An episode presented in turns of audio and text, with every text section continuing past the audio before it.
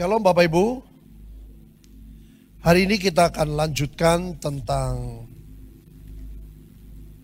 panggung imam dan eh, panggung mimbar dan metspa sehingga kita betul-betul menyadari kita ini sedang ada di mana.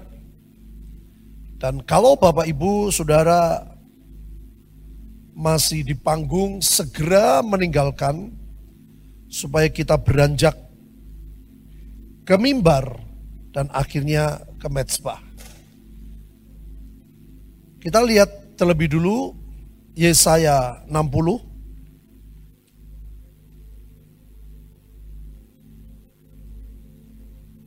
Ayat yang sangat merema 14 tahun yang lalu Bapak Ibu.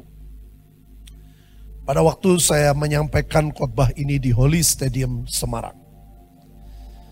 Kalau Bapak Ibu perhatikan baik-baik ya. Dari ayat yang pertama sampai ayat yang ke-22. Dari ayat yang pertama sampai ayat 22, cuman itu. Ya, ayat 1, 2, 3 semua sampai ayat 6, sampai ayat 7. Terus ada spasi. Kalau dalam bahasa Mazmur ada sela. Sela itu diam dan renungkan. Jadi kalau Bapak Ibu perhatikan di kitab Mazmur, kenapa ada sering kali tulisan sela? Sela itu artinya kita disuruh diam sebentar dan merenungkan sebelum melanjutkan yang lain. Jadi ternyata ayat yang pertama sampai ayat yang, ayat yang ketujuh itu merupakan titik kunci. Kalau ayat 1 sampai ayat 7 itu belum ada dalam hidup kita, maka yang lain sulit kita uh, alami. Ya, nanti Bapak Ibu perhatikan ayat 61 juga begitu. Ayat 1 sampai 9 Terus di sembilan ada spasi. Ya, ada sela. Diam dan renungkan. Jadi bukan karena jarak Bapak Ibu. Ada sebuah pembicaraan khusus. Ya, ada firman khusus yang Tuhan uh, sampaikan. Yesaya 60 dan sampai ayat 7. Dia suruh kita diam. Tuhan suruh kita merenungkan. Ya. Nah, saya kaget saudara. Ayat yang pertama dan ayat yang ketujuh, awal dan akhir, itu ternyata betul-betul menentukan. Perhatikan. Ayat yang pertama. Bangkitlah menjadi teranglah. Sebab terangmu datang dan kemuliaan Tuhan terbit atasmu. Dulu kita pikir yang namanya bangkit itu gimana sih? Baca Alkitab lebih sungguh-sungguh, berdoa lebih sungguh-sungguh, pasti Bapak Ibu. Menjadi terang, sebab terangmu datang. Ya. Karena Tuhan, roh Tuhan yang bekerja membuat kita jadi terang. Dan kemuliaan Tuhan terbit atasmu. Seperti apakah situasinya? Ternyata ayat 7 itu jawabannya. Segala kambing domba kedar akan berhimpun kepadamu. Domba-domba jantan Nebayot akan tersedia untuk ibadamu Semuanya akan dipersembahkan di atas mezbahku sebagai korban yang berkenan kepadaku. Dan aku akan menyemarakan rumah keagunganku. Kalau sudah perhatikan ini urutannya detail banget. Perlu ada mezbah supaya korban yang berkenan itu bisa diletakkan. Sebelum ada mezbah, korban yang berkenan itu tidak bisa diletakkan. Tuhan tidak bisa menyemarakan rumah keagungannya. Jadi saya menyimpulkan yang tersirat di sini saudara. Tuhan pingin saudara jadi terang, kita menjadi terang, kita bangkit, Yaitu kalau hidup kita betul-betul menjadi mezbah Tuhan. Pada waktu kita mencapai hidup kita jadi mezbah. Kita menjadi terang saudara. Sehingga anak-anak bungsu melihat di mana terang. Mereka mencari Allah yang benar. Mereka mencari juru selamat yang sesungguhnya. Selama mereka belum melihat sesuatu perbedaan antara gelap dan terang. Mereka ragu-ragu. Maka dari itu pilihannya nggak ada lain. Tuhan berkata bangkit menjadi terang. Artinya saudara dan saya dibuat jadi mezbah Tuhan. Satu kehidupan yang berbeda saudara. Nanti kita belajar suatu kerelaan yang lain. Persembahan hidup yang Alkitab tulis dalam Roma 12. Itulah yang berkenan kepadaku, kata Tuhan. Ini nggak mudah, saudara. Dan Tuhan menunggu ini. Saya pikir-pikir kenapa sih Tuhan? Kapan lawatan terbesar terjadi? Dan yang mengejutkan, minggu lalu saya tanya kepada saudara saya. Dia berkata, Semuanya. Semuanya itu ayat 2, 3, 4, 5, 6. Kekayaan bangsa-bangsa tertunda. Lawatan terbesar tertunda. Kalau mezbahnya belum ada. Jadi seperti dulu ya saya pernah jelaskan. Kenapa di zamannya Salomo itu kalau hadirat Tuhan turun itu bentuknya awan. Kenapa sekarang kok tidak ada awan yang turun?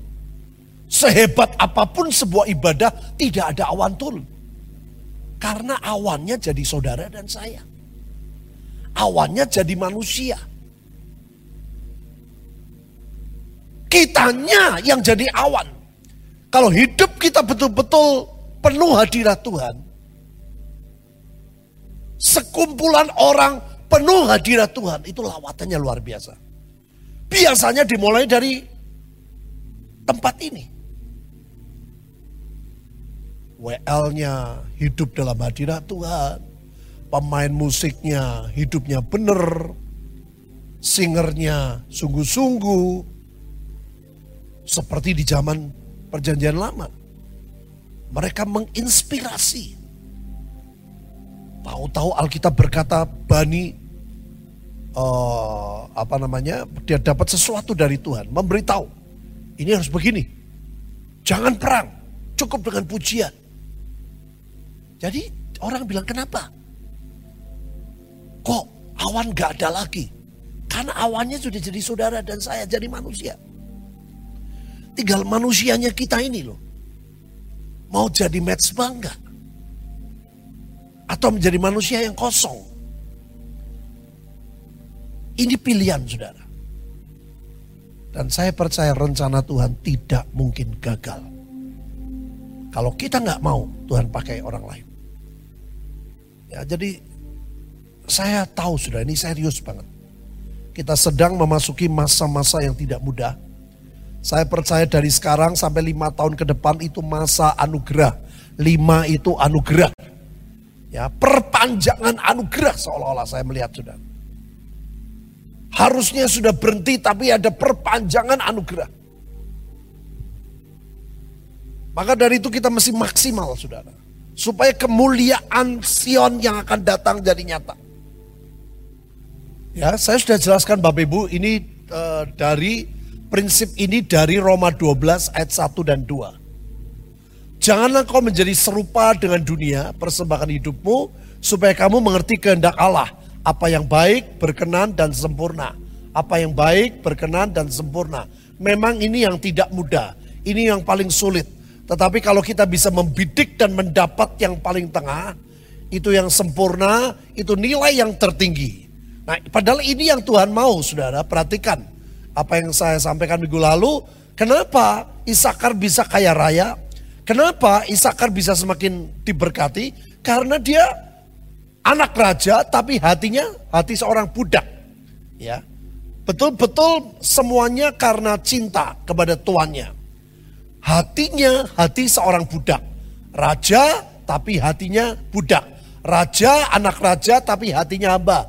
Anak raja tapi hatinya uh, mengabdi. Tapi ini yang paling sulit, anak raja tapi hatinya hati budak. Demikian juga di dalam prinsip uh, pandangan yang lain, ya, ukuran yang lain. Selama kita di panggung, ini menghambat rencana Tuhan, saudara. Kali ini sama dengan dunia. Ini mirip dengan dunia. Makanya saya katakan cepat kita beranjak menjadi mimbar dan segera menjadi mezbah Tuhan. Nah, kita mau beri lihat contoh panggung itu seperti apa.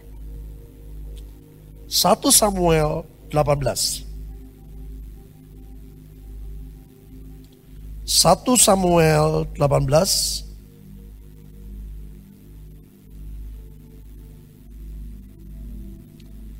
ayat yang ke-7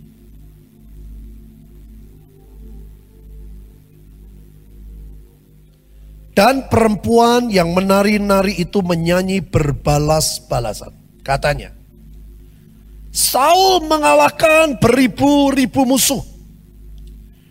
Tetapi Daud berlaksa-laksa. Ayat 8. Lalu Bapak Ibu perhatikan bangkitlah amarah Saul dengan sangat. Dan perkataan itu menyebalkan hatinya. Sebab pikirnya, kepada Daud diperhitungkan mereka berlaksa-laksa. Tetapi kepadaku diperhitungkannya beribu-ribu. Akhir-akhirnya jabatan raja itu pun jatuh kepadanya. Terus sejak hari itu maka Saul selalu, apa Bapak Ibu? Mendengki Daud. Saudara dalam kehidupan selalu begitu.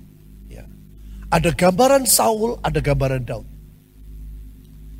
Saudara sebetulnya penari-penari ini tidak tidak menjelekkan Saul.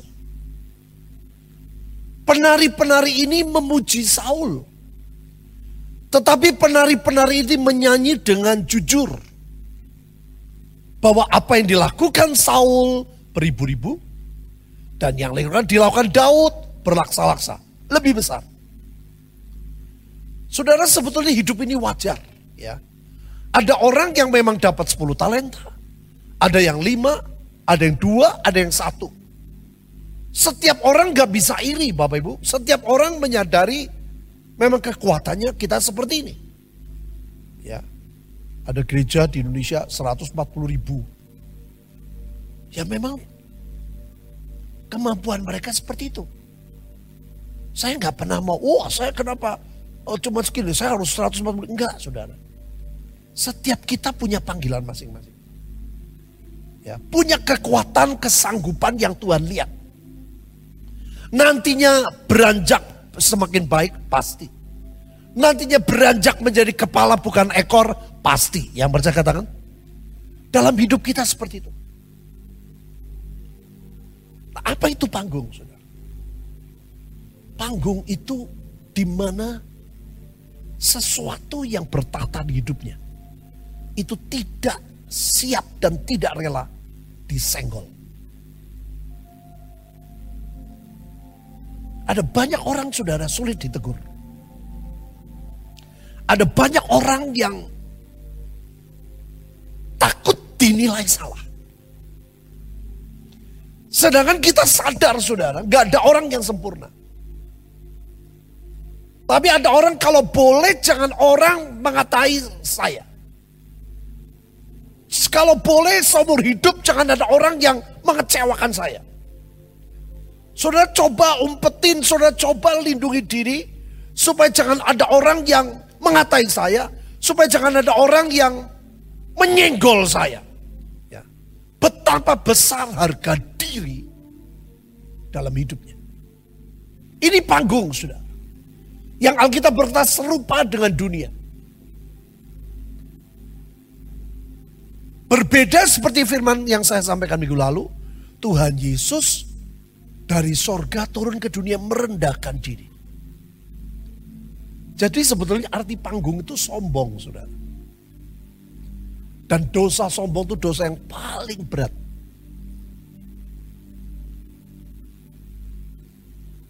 Dan sombong itu sudah nggak bisa kelihatan. Oh orang yang diem itu rendah hati nggak bisa sudah. Saya benar-benar belajar waktu SMA. Saya pernah cerita sudah. Teman SMA saya di kos. Waktu saya SMA bukan teman SMA. Dia mahasiswa. Penampilannya itu nyebelin banget saudara. Kalau jalan itu kayak orang mau ngajak berantem itu. Itu. Tangannya tuh apa?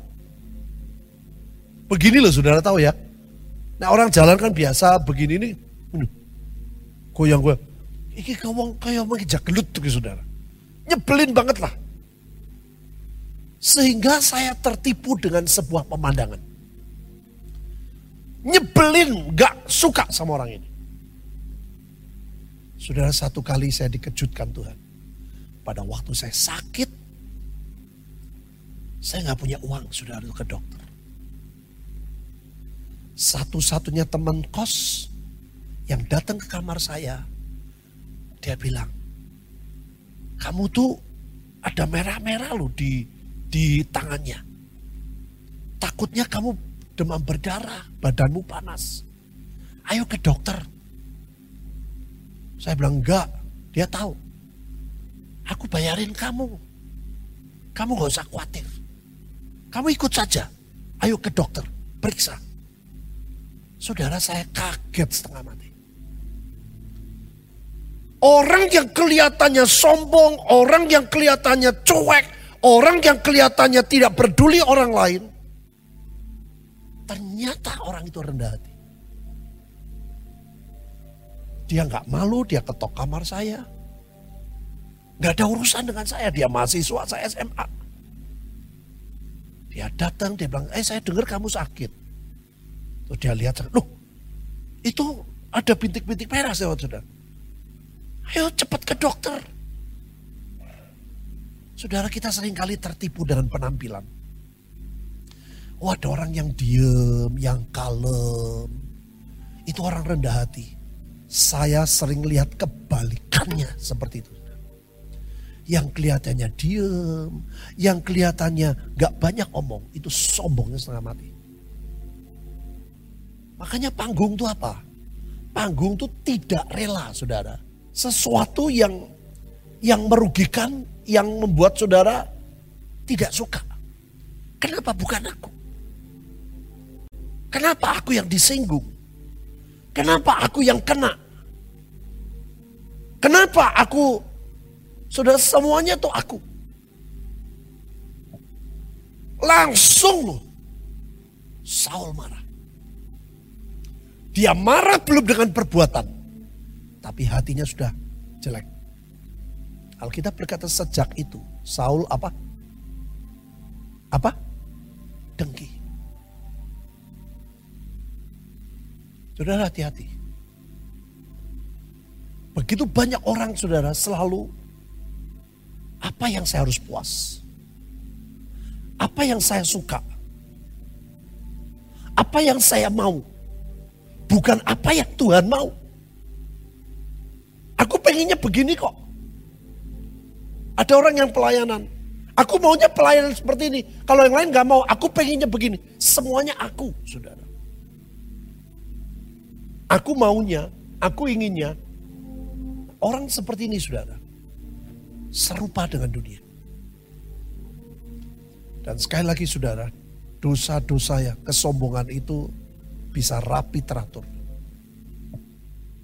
Saya nggak malu saudara, saya bilang saya dulu ini pecina. Saya ngomong saya dulu benci sama papa saya. Itu mengejutkan banyak orang saudara. Dan saya nggak malu, wong itu lama kok, hidup yang lama kok. Ngerti gak Bapak Ibu? Kenapa saya harus malu? Itu menolong orang-orang lain yang justru dengar, oh Ternyata nama Yesus bisa menyembuhkan, bisa mengalahkan. Halo, yang percaya katakan. Selama ini banyak orang menutupi. Berusaha cerita yang baik-baik. Ini loh aku berhasil, aku hebat. Tapi takut. menutupi. Menutupi hidupnya. Saya bilang sama adik saya, adik tiri saya. Saya bilang kamu jangan salah ngerti ya. Kalau oh, oh saya bilang oh itu saya. Ke mana-mana cerita tentang papi, aku tidak punya maksud menjelekkan kamu. Oh ya, oh aku udah dengerin khotbahnya kok, aku ngerti. Aku juga tidak malu. Aku sebagai anak dari istri kedua. Bayangin juga, saya kaget. Ada orang yang malu kalau orang tuanya nikah lagi. Ada orang yang malu kalau orang tuanya istri kedua. Pokoknya Bapak Ibu berusaha menutupi supaya seolah-olah hidup saya ini, hidup kita tuh begitu uh, rapi, begitu suci, begitu. Saudara nggak mau ceritakan. Sebagai anak yang orang tuanya nikah lagi, itu kondisinya berat tuh saudara. Nah kalau saya nggak pernah cerita, orang-orang lain yang sakit hati kepada orang tuanya yang orang tuanya cerai, itu gak mudah untuk mengampuni. Tapi pada waktu saya cerita, saya bilang Tuhan tuh sanggup. Persoalannya mau atau tidak mau. Halo? Ngerti Bapak Ibu?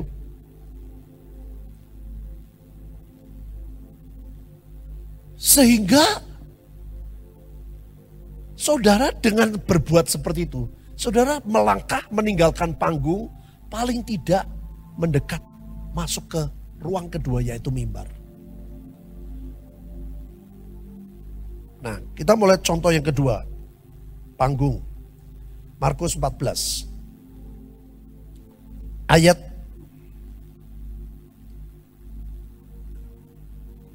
yang ketiga. Ketika Yesus berada di Betania, di rumah Simon si Kusta, dan sedang duduk makan, datanglah seorang perempuan membawa suatu buli-buli pualam berisi minyak narwastu murni yang mahal harganya.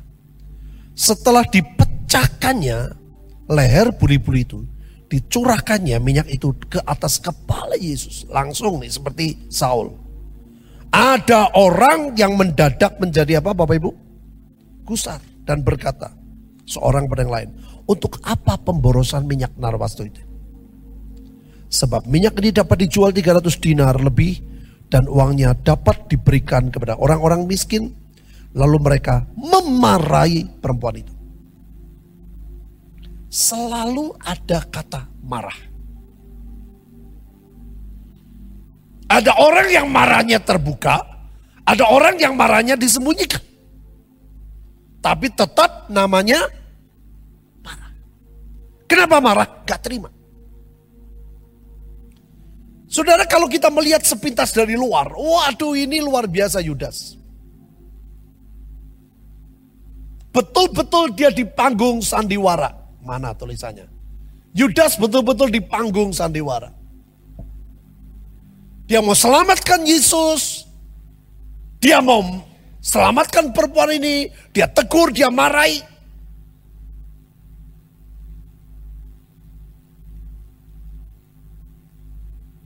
Karena barang yang sangat mahal dipecah. Yang harusnya buat pernikahan nanti untuk suaminya. Dia berikan buat Yesus. Ekstrim ini. Sudah kalau kita dilihat dari luar. Yudas yang benar. Ya, saudara hati-hati. Orang kalau banyak kritik, tidak terimaan kepada situasi-situasi. Sebetulnya hati saudara belum beres di hadapan Tuhan. Raiso kudu ini, raiso kudu ini. Gelinding itu bukan berarti negatif, seenaknya, enggak. Kita sudah berusaha baik-baik. Kita sudah sungguh-sungguh. Kita sudah tidak ngawur. Tapi Tuhan izinkan sesuatu yang tidak cocok dengan pandangan kita. Ya sudah, biarin aja. Hari ini kita tidak tahu, tapi nanti satu kali Tuhan akan singkapkan. Pasti rencana Tuhan indah buat setiap kita. Yang percaya katakan? Yang percaya katakan? Sehingga kita nggak mudah marah. Kita nggak berontak. Kenapa begini? Kenapa begitu? Harusnya begini, harusnya begitu. Sudah lihat, ini ciri panggung itu seperti itu.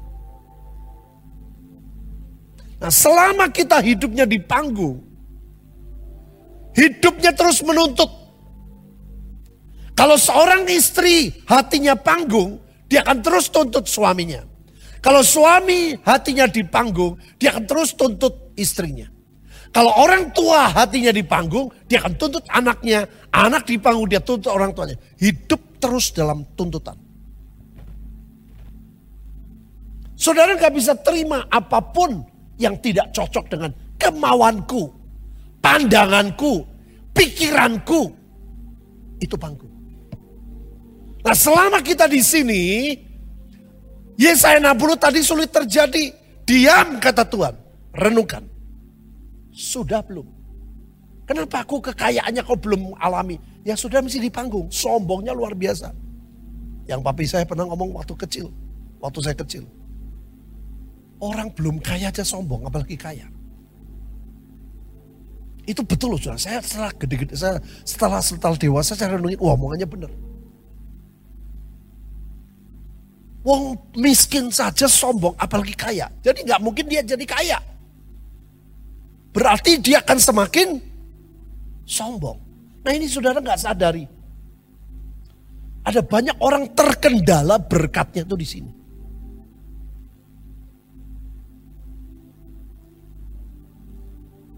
Yang mulai mengerti katakan, saudara ini nggak mudah saudara, tapi harus kita minta anugerah Tuhan, kita buang kehidupan panggung kita.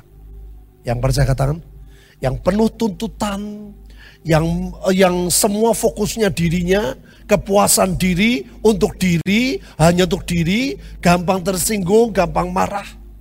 Orang nggak mungkin nggak marah, orang nggak mungkin nggak tersinggung. Tapi kalau gampang tersinggung, gampang marah, itu panggung. Jadi terkendala semua. Coba lihat. Yesaya 60 ayat 3. Bangsa-bangsa berduyun-duyun datang kepada siapa saudara? Nah, kita belum jadi terang. Jadi panggung. Gak mau bangsa berduyun. Raja-raja bercahaya yang terbit bagimu. Kita belum terbit cahaya. Kegelapan yang dalam hidup kita. Yang gak mungkin. Adbat. Angkatlah mukamu. Lihatlah sekeliling mereka semua datang berimpun kepadamu. Anak-anakmu laki-laki datang dari jauh. Orang-orang yang ekonomi kuat akan datang memberkati saudara. Yang percaya katakan. Terus anak-anakmu perempuan digendong. Saudara Anak laki datang kita tidak berbuat apa-apa. Anak perempuan kita harus menggendong. Ini bicara tentang apa saudara? Ada banyak orang kalau kalau kita mau di, kita berkati kita mau sukacita. Begitu Tuhan izinkan gak enak kita nggak mau sukacita. Kita hanya mau terima anak laki-laki, tidak mau terima anak perempuan. Kalau sudah ngalami keadaan gak enak, marah, ngamuk, gak, Tuhan gak adil, Tuhan gak dengar. Doa saya, Tuhan maunya kita terima semua. Anak laki-laki kita terima. Anak perempuan bahkan kita bukan cuma terima. Kita aktif apa? Menggendong. Saudara kita mesti gendong. Kita mesti melihat menerima dua-duanya. Pada waktu Tuhan izinkan kita dibawa ke orang kaya. Kita bersyukur. Mereka memberkati. Pada waktu Tuhan izinkan kita mesti gendong. Gendong, jangan diam. Yang percaya katakan, ini saudara. Sehingga kita bisa, Tuhan bisa lihat, oh ini orang sudah siap. Aku berikan yang terbaik. Tidak sulit buat Tuhan memberkati kita. Yang percaya katakan, ayat yang ke lima. Pada waktu itu engkau akan heran melihat dan berseri-seri. Engkau akan tercengang dan berbesar, hati. Sebab kelimpahan dari seberang laut akan beralih kepadamu. Kekayaan bangsa bangsa akan datang kepadamu. Kenapa belum terjadi? Karena mezbahnya belum datang Bapak Ibu. Karena kita belum jadi mezbah. Kita masih jadi panggung. Sombongnya.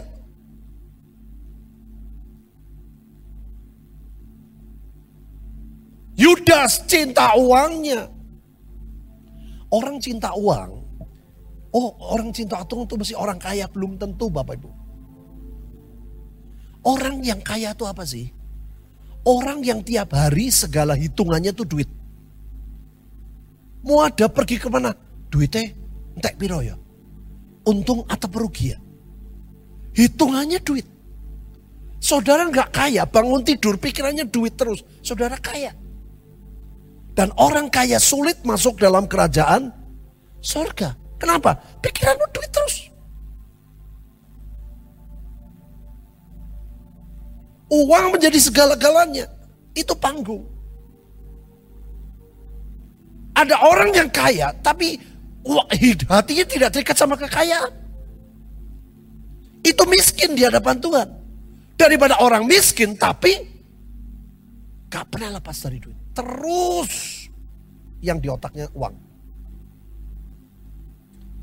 Maka dari itu saudara.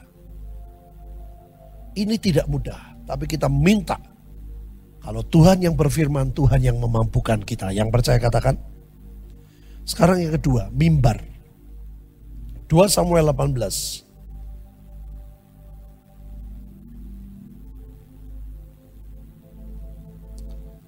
Ayat 10.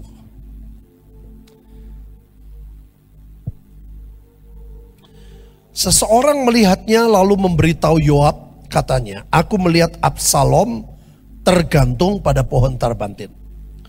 Yoab berkata kepada orang yang memberitahu kepadanya, itu apa? Jika engkau melihatnya, mengapa engkau tidak membanting dia ke tanah di tempat itu juga? Maka selayaknya aku memberi engkau sepuluh shikal perak dan satu ikat pinggang. Perhatiin saudara 12. Tetapi orang itu berkata pada Yoab, sekalipun aku mendapat seribu shikal perak di telapak tanganku, takkan aku menjamah anak raja itu. Sebab, beratin, di depan telinga kamilah, raja memberi perintah kepadamu dan kepada Abisai dan kepada Itai katanya, lindungilah Absalom orang muda itu karena aku Sebaliknya jika aku mencabut nyawanya dengan kianat, tidak ada sesuatu pun yang tinggal tersembunyi kepada raja. Maka engkau akan menjauhkan diri. Tetapi Yoab berkata, aku tidak mau membuang-buang waktu dengan kau seperti ini. Lalu diambilnyalah tiga lembing dalam lengannya dan ditikamnya ke dada Absalom sedang ia masih hidup di tengah-tengah dahan pohon terbantin itu. Saudara, inilah mimbar. Yoab adalah orang yang rajin melakukan tugas tuannya. Saking rajinnya, dia tidak mengerti hati tuannya. Daud sudah kasih perintah untuk memukul, untuk melawan Absalom. Tapi Daud berpesan dalam tugas itu, jangan bunuh Absalom karena siapa? Aku. Tapi Yoab tuh sudah benci, sudah. Jadi saudara ada orang yang rajin. Ya, melakukan apa, tapi dia nggak ngerti hatinya Tuhan. Rajin saudara tuh harus berdasarkan hati. Yoab gak ngerti perasaannya Daud. Dia gak peduli dengan perasaannya Daud. Dia tahu sebagai tugas anak buah Daud. Absalom ini adalah penghalang, perusak, sesuatu yang bahaya buat kerajaan. Itu betul. Tapi harusnya izinkan Daud menyelesaikan dengan cara Daud. Halo? Amin Bapak Ibu? Tapi dia tidak mau. Dia mengerjakan itu luar biasa. Oh saudara.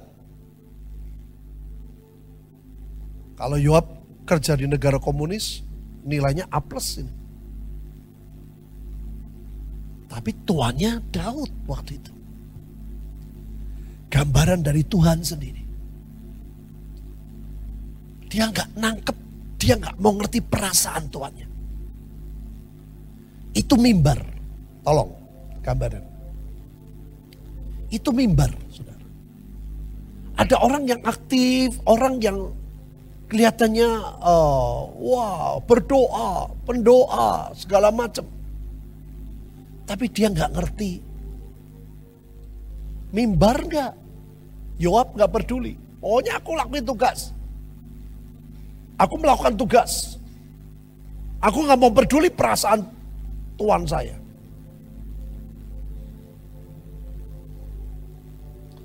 Hari ini kita semua minta berubah supaya ngerti kita ngerti perasaan Tuhan. Jadi saudara kalau apa pun, dulu Pak Damaris ngomong bagus banget. Hitungannya barometernya begini. Kalau aku seneng, Tuhan seneng gak ya? Kalau aku dipuji, Tuhan seneng gak ya? Kalau aku dapat ini, Tuhan seneng gak ya? Selalu perasaan Tuhan menjadi barometer dan parameter yang setuju. Katakan, Kemarin saya diberkati, saya bilang sama Bu Linda, saya diberkati banget dengan khotbahnya AL. Ada orang yang punya hubungan dengan Tuhan karena tugas. Ada orang yang punya tugas. Orang tugas karena hubungan. Itu beda, saudara. Ada orang yang punya hubungan dengan Tuhan. Dan dia melakukan tugas Tuhan. Itu contohnya Daud. Dia hubungan dulu dengan Tuhan, dan hanya dia dapat tugas. Tapi ada orang yang tugas karena hubungan. Yang satu hubungan karena tugas. Jadi karena misalnya gini, saya besok mau pelayanan, ya terpaksa saya doa. Kalau saya nggak pelayanan, saya nggak doa. Itu saudara melakukan hubungan karena tugas. Oh saya bilang bagus banget. Tapi ada orang yang melakukan tugas karena hubungan. Karena dengan Tuhan. Saya berharap semua kita mengerti. Kita punya hubungan dengan Tuhan. Mengerti perasaan Tuhan. Dan kita melakukan tugas. Yang percaya katakan. Yoab berbeda. Dia punya hubungan karena tugas. Sehingga dia tidak mengerti perasaan tuannya. Nah sekarang metsbah. Apa itu metsbah? Kejadian Bapak Ibu. Di sini komplit sekali kita minta anugerah Tuhan mencapai level ini. Tidak mudah tetapi harus. Sebab ini adalah Tuhan mau. Kejadian 22.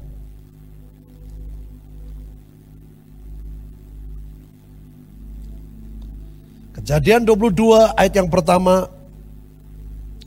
Setelah semuanya itu Allah mencoba Abraham. Ia berfirman kepadanya Abraham. Lalu sahutnya hineni.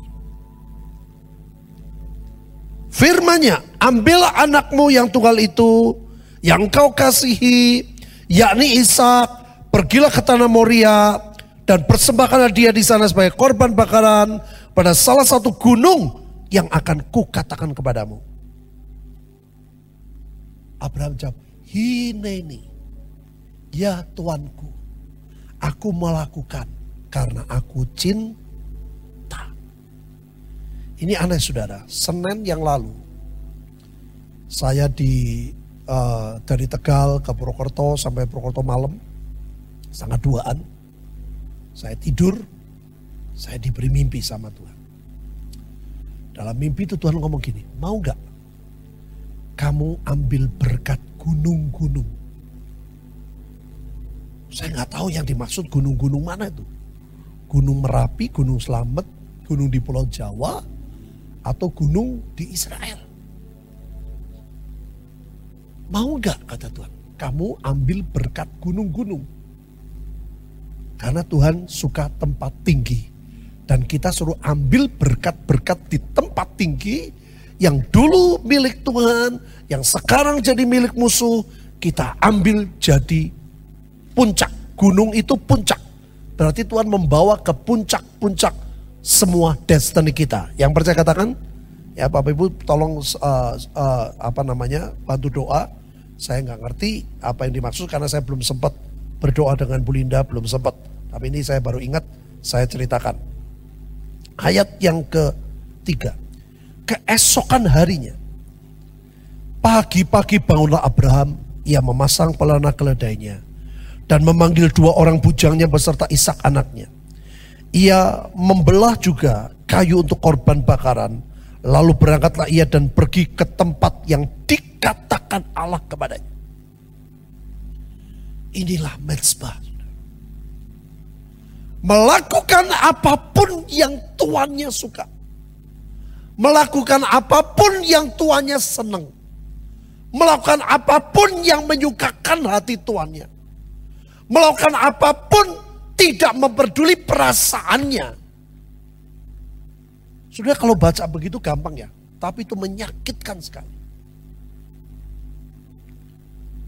Saya pernah ngalami yang sepele banget saudara. Waktu Vincent dan Victor, Vincent SMP 1, Victor kelas 5 SD, dua-dua mendadak ke Bandung. Waduh saudara itu saya kehilangan banget. Betul-betul saya rasanya tuh gak enak sudah.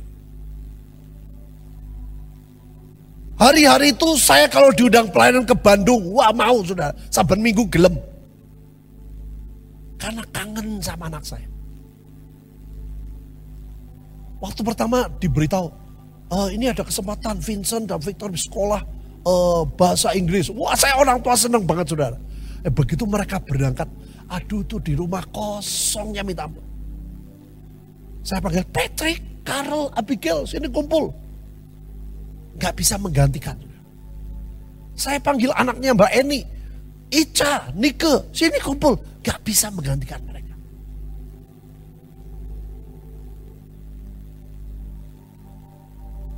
Mereka pergi ke Bandung. Saya kehilangan. Dan Tuhan bilang, itu aku baru ngajarin kecil, kata Tuhan kamu bisa merasakan perasaan Abraham itu kayak apa. Itu mezbah, tidak mudah saudara. Tapi Tuhan baik loh. Satu kali Tuhan ajaib. Saya ke Bandung, anak saya Victor bisa ngomong gini. Papa ngapain sih ke Bandung-Bandung terus? Aduh. Sakitnya di sini saudara. Omongan itu nyakitin tapi membuat aku sadar. Waduh, iyo yo. Anakku lebih butuh Tuhan daripada ayahnya. Uh, waktu nyakitin banget saudara. Saya bolak-balik ke Bandung, bolak-balik ke Bandung. Kangen sama mereka. Tahu tuh bisa nyelmong gitu. Papa ngapain sih ke Bandung-Bandung terus? Sesuatu yang menyakitkan. Seringkali Tuhan punya cara untuk membuat kita jadi mezbah Tuhan. Amin Bapak Ibu. Wah dari itu saya pulang ke Temanggung. Saya bilang Tuhan aku tahu. Aku salah. Aku berdosa kepadamu. Aku relakan anak-anakku di Bandung. Aku mau mencintai kau lebih dari apa pun. Sampai ditegur saudara. Saya dalam mimpi Tuhan beritahu, kenapa kau mencintai anak-anakmu lebih daripada aku? Saya bilang Tuhan ampuni saya. Mezbah tidak mudah. Di sinilah pertama kali disebut menyembah. Worship di peristiwa ini. Ayat yang ke empat. Ketika pada hari ketiga Abraham melayangkan pandangnya Kelihatan kepada yang tempat itu dari jauh. Kata Abraham kepada kedua bujangnya, tinggallah kami di sini dengan keledai ini. Aku beserta anak ini akan pergi ke sana. Kami akan sembayang. Itu pertama kali kata sembayang, worship itu di sini. Sesudah itu kami kembali kepadamu. Lalu Abraham mengambil kayu untuk korban bakaran dan memikulkannya ke atas bau Ishak anaknya. Sedang di tangannya dibawa api dan pisau. Demikianlah keduanya berjalan bersama-sama. Ayat 9. Sampailah mereka di tempat yang dikatakan Allah kepadanya. Lalu Abraham mendirikan apa? Mezbah di situ. Disusunyalah kayu, diikatnya Ishak anak itu dan diletakkannya di mezbah di atas kayu api. Itu Abraham mengulurkan tangannya lalu mengambil pisau untuk menyembelih anaknya. Tapi berserulah malaikat Tuhan kepada dari langit kepadanya Abraham, Abraham sautnya, ya Tuhan. Lalu ia berfirman, jangan bunuh anak itu. Dan jangan apa-apakan dia.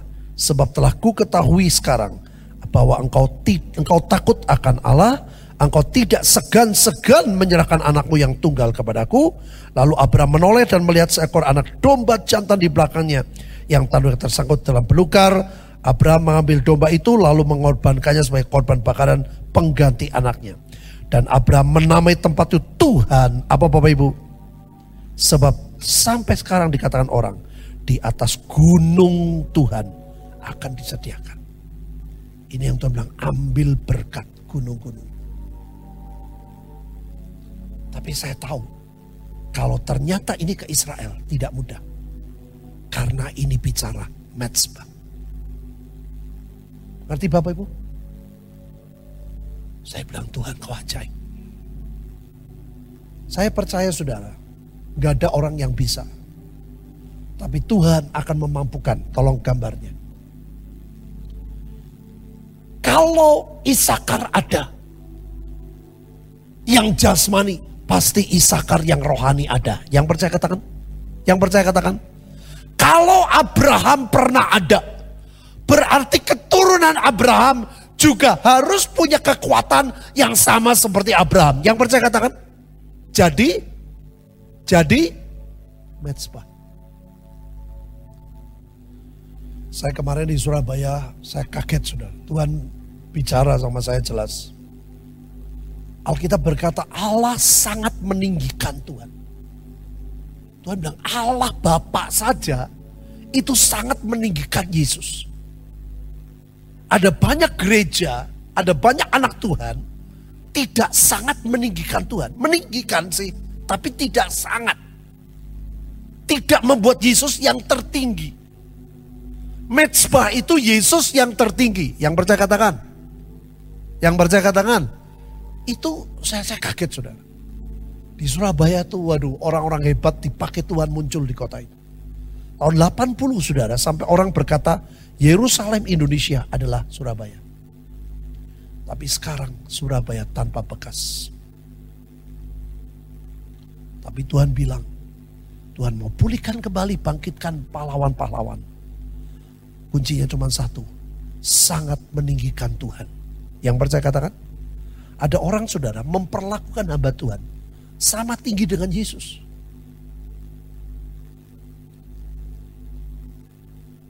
Ini bahaya. Kita meninggikan Tuhan lebih dari apa pun. Yang percaya katakan, sangat meninggikan. Saya kaget. Ada seorang hamba Tuhan yang waktu itu saya nggak sebutin. Wah mereka kehilangan betul. Sampai Tuhan bilang, Kok kamu sedih kehilangan dia tidak kehilangan aku? Bayangin.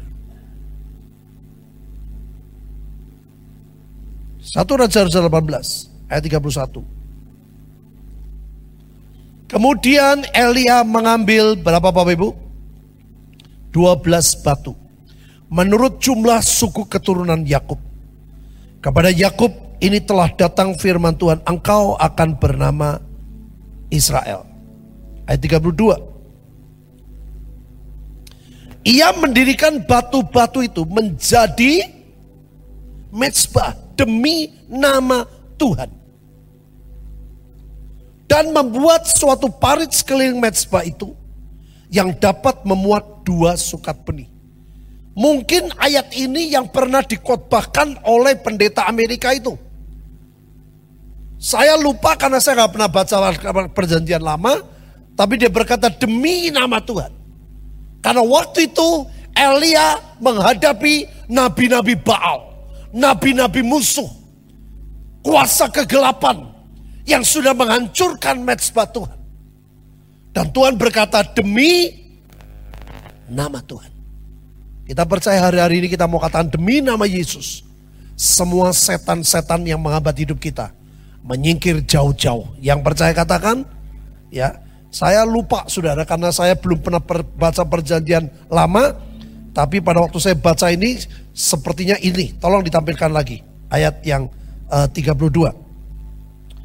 Ia mendirikan batu-batu itu. Saudara, saudara dan saya adalah batu-batu mezbah. Setiap kita menjadi batu. Satu orang satu batu. Kalau kita semua jadi mezbah. Dan mezbah-mezbah kecil disusun. Menjadi mezbah yang besar. Saya percaya hari-hari ini Tuhan mau habisi semua yang bukan dari Tuhan. Masa puncak kejayaan harus sungguh-sungguh datang. Yang percaya katakan, menjadi mezbah demi nama Tuhan. Betul-betul musuhnya tidak mudah. Lihat ayat 38. Begitu jadi mezbah. Ayat 38. Lalu turunlah api Tuhan menyambar habis korban bakaran, kayu, api, batu, dan tanah itu, bahkan air yang dalam parit itu habis dijilat. Saudara kalau mezbah sudah ada, perkenanan Tuhan akan turun. Yang percaya katakan, api Tuhan itu akan turun membuat perkenanan.